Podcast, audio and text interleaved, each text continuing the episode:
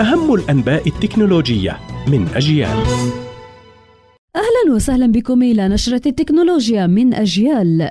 استطلاع للرأي شارك فيه 1500 شخص من صناع القرار في مجال تقنية المعلومات يشير إلى توقعاتهم بأن يستخدم ريبوت شات جي بي تي بهجمات إلكترونية ناجحة تقف خلفها دول وأقرت غالبية المشاركين بتهديد محتمل للأمن السبراني يتمثل في قدرة ChatGPT على مساعدة القراصنة في صياغة رسائل تصيدية للبريد الإلكتروني أكثر إقناعا وتمكن القراصنة من تحسين معرفتهم التقنية وتطوير مهارات أكثر تخصصا واستخدامها لنشر المعلومات الخاطئة. وكشف الاستطلاع أن غالبية صناع القرار في مجال تقنية المعلومات يخططون للاستثمار في الأمن السبراني المدعوم بالذكاء الاصطناعي في العامين المقبلين ما يعكس القلق المتزايد من أن حلول الحماية الحالية لم تعد فعالة ضد تهديدات متزايدة التعقيد. تطبيق تليجرام يطلق أول تحديث له في عام 2023 متضمنا عشر ميزات رئيسية.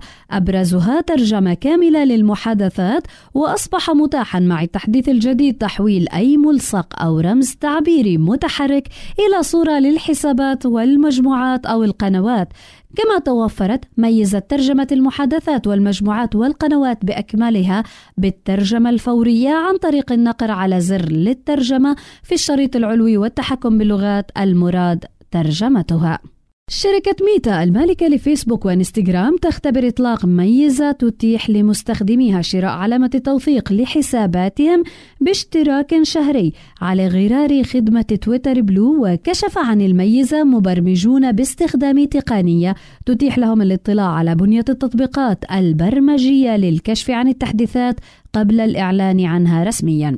يذكر أن فيسبوك وإنستغرام قدمان علامة توثيق للمشاهير والشخصيات العامة والعلامات التجارية. في حين تقدمها تويتر بخدمة مدفوعة شاملة لميزات إضافية مثل مشاهدة عدد أقل من الإعلانات وإمكانية تغيير تصميم التطبيق.